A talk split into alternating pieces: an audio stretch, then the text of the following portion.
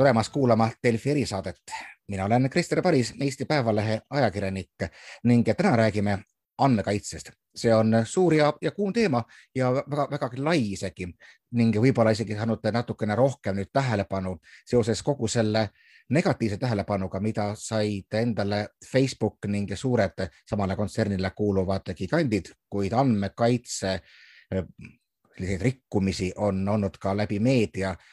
kajastatud päris kõvasti rohkem kui sel aastal ka teistel puhkudel, no näiteks kasvõi siis, kui vahepeal läksid jalutama umbes kolmesaja tuhande inimese näopildid riiklikest serveritest ja nii edasi ja nii edasi. ja päris tihti ka tegelikult ju inimesed ei oskagi päris hästi hinnata, mida see siis teeb, kui sinu andmed kuskile kõndima lähevad, et mida nendega üldse saab keegi peale hakata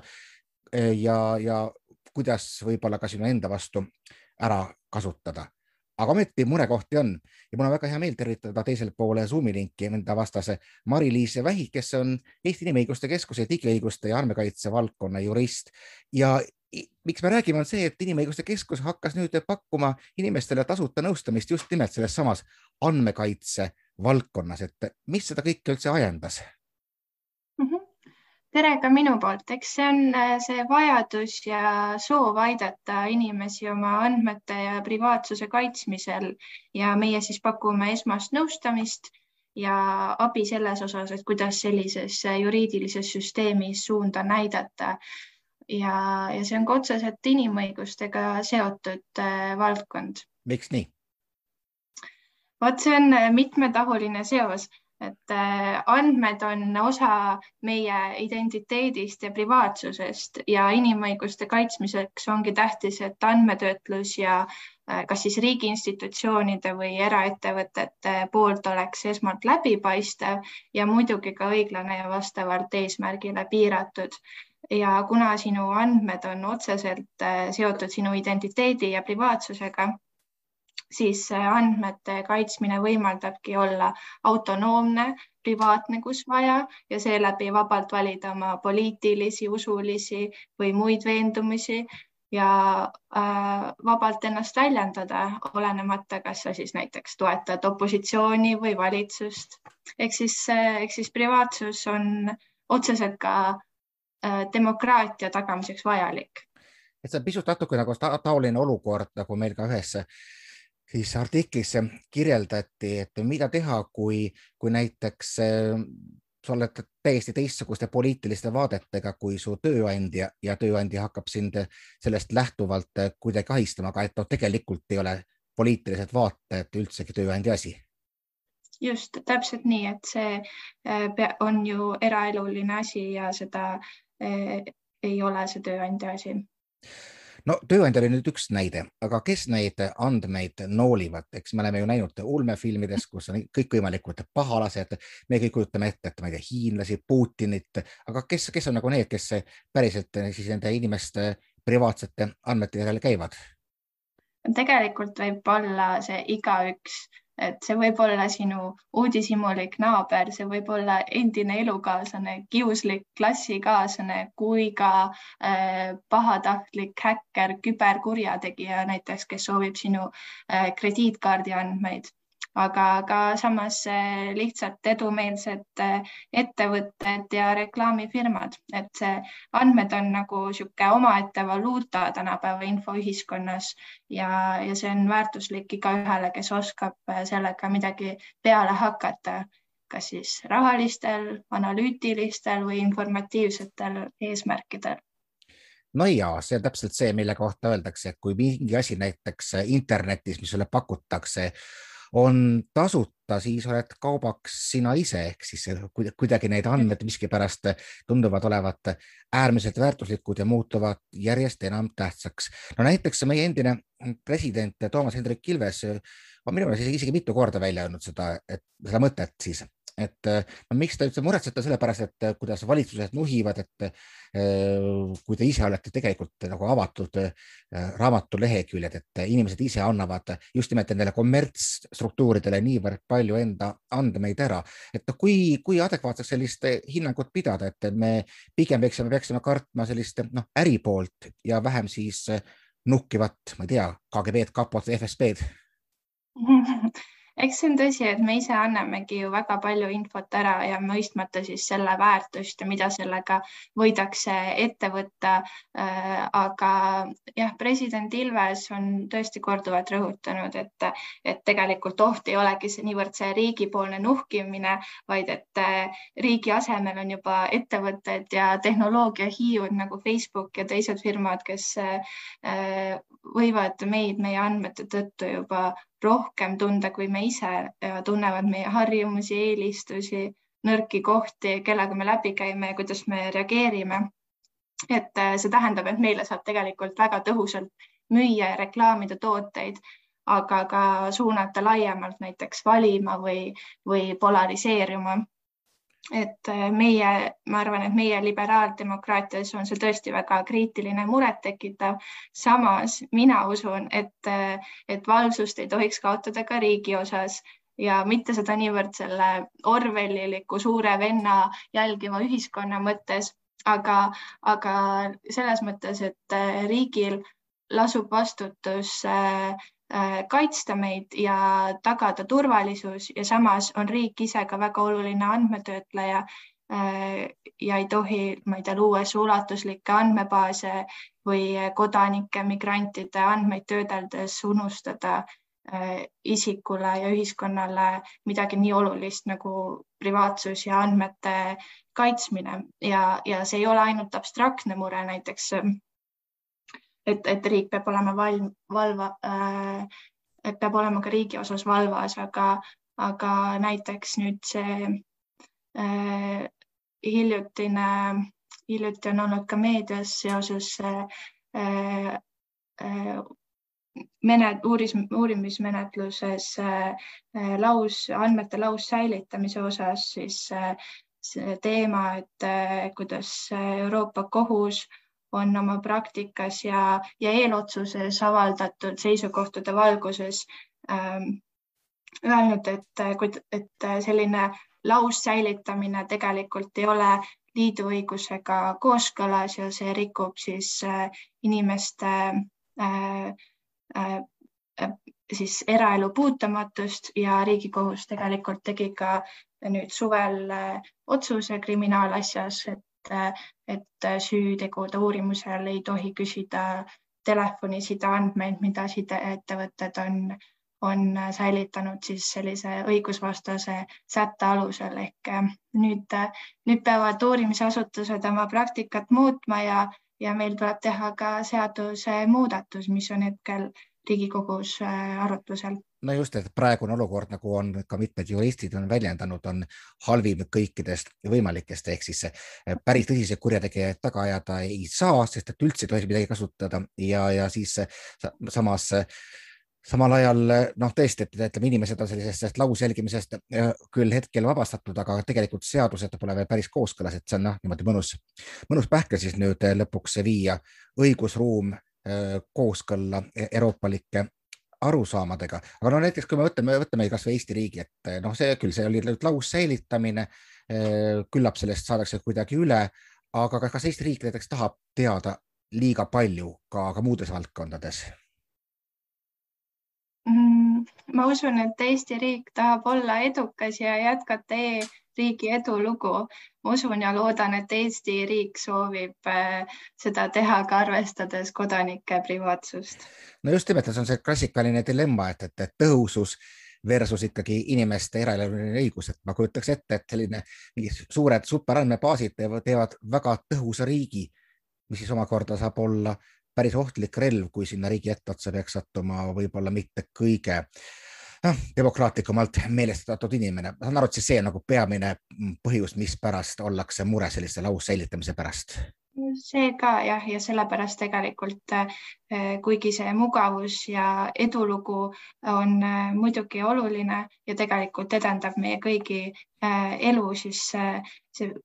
kohati peab äh, selle privaatsuse ja andmete kaitsmiseks tegelikult juba sihuke tehislikult taga te, olema sihuke ebamugav ja, ja et, ja et, et oleks kõik need andmed äh, kaitstud. nii et, nii et põhimõtteliselt, kui mõnikord tundub, et kuidas ometi ei saa riigid panna kõiki oma andmebaase kokku, et lükkad ühe, ühe inimese nime sisse ja saad kõik tema kohta teada, siis pigem inimõiguste seisukohast seda ei tohikski üldse lubada. Just. no kui me nüüd näiteks äh, oli juttu sellest samast äh, inimeste piltide lekkimisest riigi andmebaasist, no see oli üks väga selge näide, mis, millised ohud veel varitsevad, et pole mitte ainult võib-olla sellised äh, tõususele orienteeritud riigid ja reklaamile orienteeritud sotsiaalvõrgustikud, vaid on ka kõikvõimalikud muud tegijad, ühed pahatahtlikumad, teised lihtsalt tahavad võib-olla demonstreerida, mida, kui, kui haavatavad on meie need võrgustikud. aga kui need samad näiteks kolmsada tuhat pilti umbes lekkisid, siis oli paljude inimeste esimene reaktsioon oli see, et noh, et hea küll, mis siis ikka, et ma ju ei jaga ka oma pilte ja et noh, las nad siis lekivad, et ja kui nad ka lekivad koos minu isikukoodiga, no, no mis, mis ikka, see pole nagu midagi suurt, et ilmselgelt ei aduta mm, päris hästi, mida see üldse tähendab, kui, kui sinu enda andmed kuskile kõndima lähevad või kui kohti, kus seda üldse pidada, kui mures peaksid inimesed olema selliste lekete pärast no see on tegelikult on väga tõsine mure, et, et see tähendabki seda, et sinu identiteeti võidaks varastada, sinu äh, äh, identiteediga võidakse juba edaspidi teha toiminguid, ma ei tea äh,, võtta laene ja, ja nii edasi, aga praegusel juhul äh, ma arvan, et selle konkreetse äh, äh, lekke tõttu ei ole äh, põhjust karta, et need andmed oleks kuhugi kaugemale lekkinud ja ma saan aru, et PEPA äh, ja RIA seisukohtadest, et tegelikult see asi on äh, nüüd kontrolli all ja, ja see isik on, äh, on, on ka neile teada ja juba ka on kohtuotsus tehtud selle isiku osas. et pole põhjust karta võib-olla, et see oleks kuhugi kaugemale jõudnud ja et inimeste ide digitaalne identiteet oleks kuidagi varastatud siis mm. -hmm. et, et teoreetiliselt saab olla palju hullem, et see, mis on, tundub alguses selliste bittide ja baitide vargus, äh, muutub päris kergelt ka nagu reaalse rahavarguseks inimeste kontodelt, et see võiks olla selline nagu esmane mure, mis peaks panema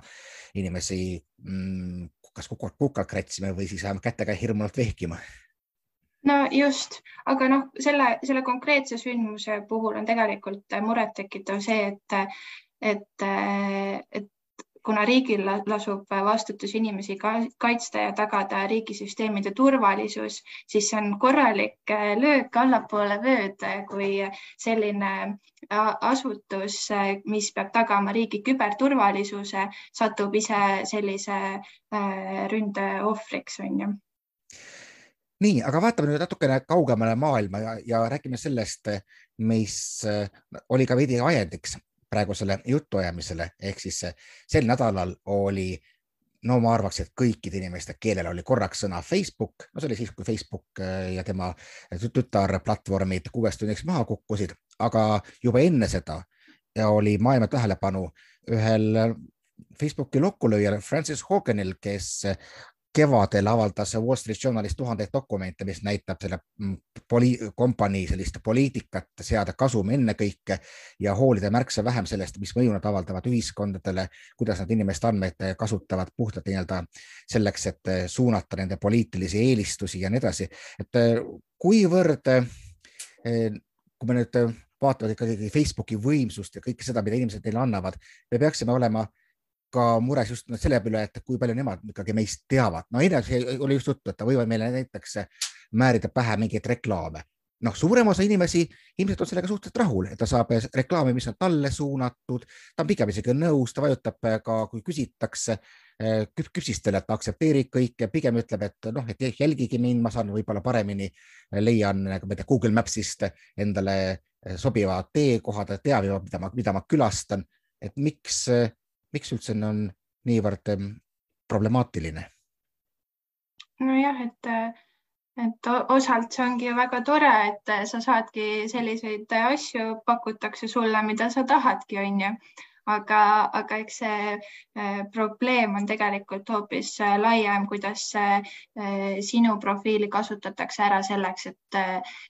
ka sulle pähe määrida, aga ka näiteks äh, levid, äh, kuidas äh, sellisel laial platvormil levib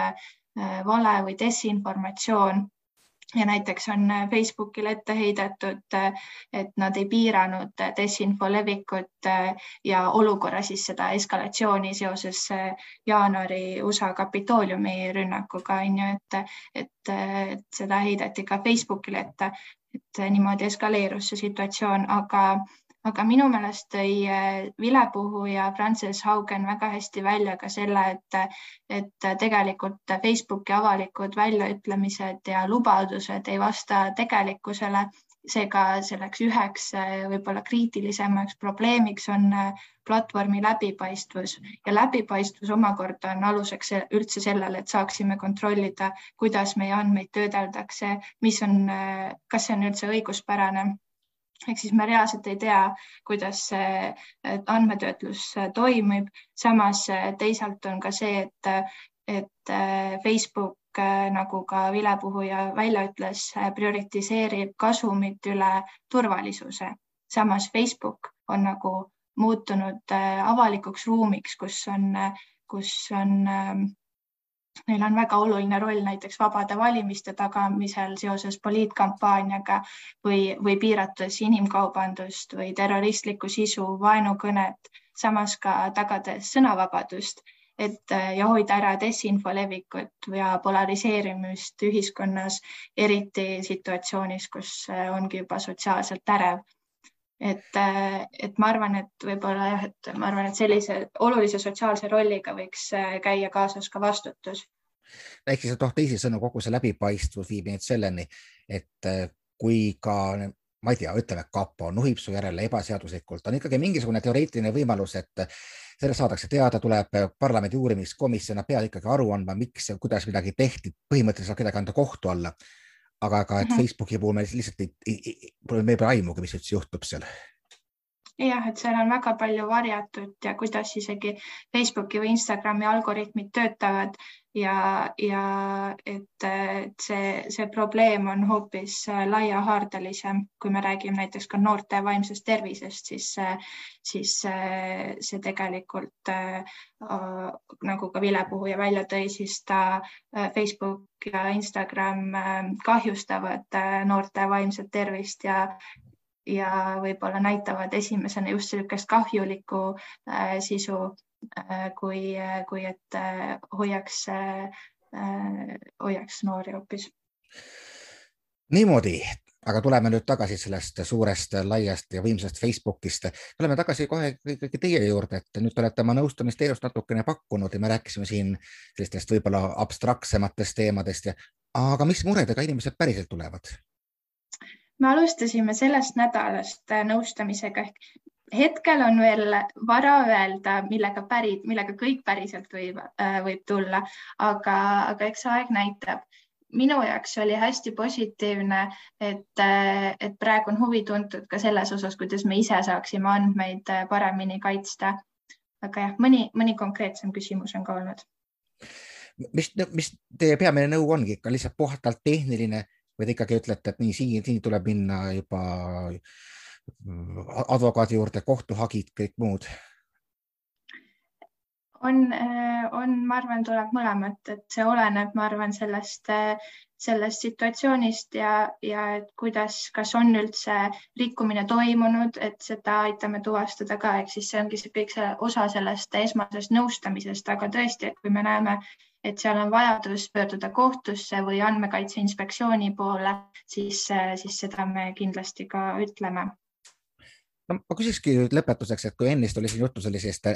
Riigikohtu ikkagi väga märgilisest otsusest, mis ka lähtus siis Euroopa Kohtu äh, suunistest, siis äh, on teil äkki tuua mingeid huvitavaid näiteid kohtupraktikast selles valdkonnas? Äh, jah, et, et neid näiteid on päris mitmeid ja huvitavaid Euroopa kohtust tulnud, näiteks kuidas heideti äh, või kuidas selgitati nii-öelda seda unustamiskohustust, et äh, sel, et Google'ist peaks siis äh, eemaldama viited isiklikule sisule, kui isik seda soovib, näiteks selline lahend oli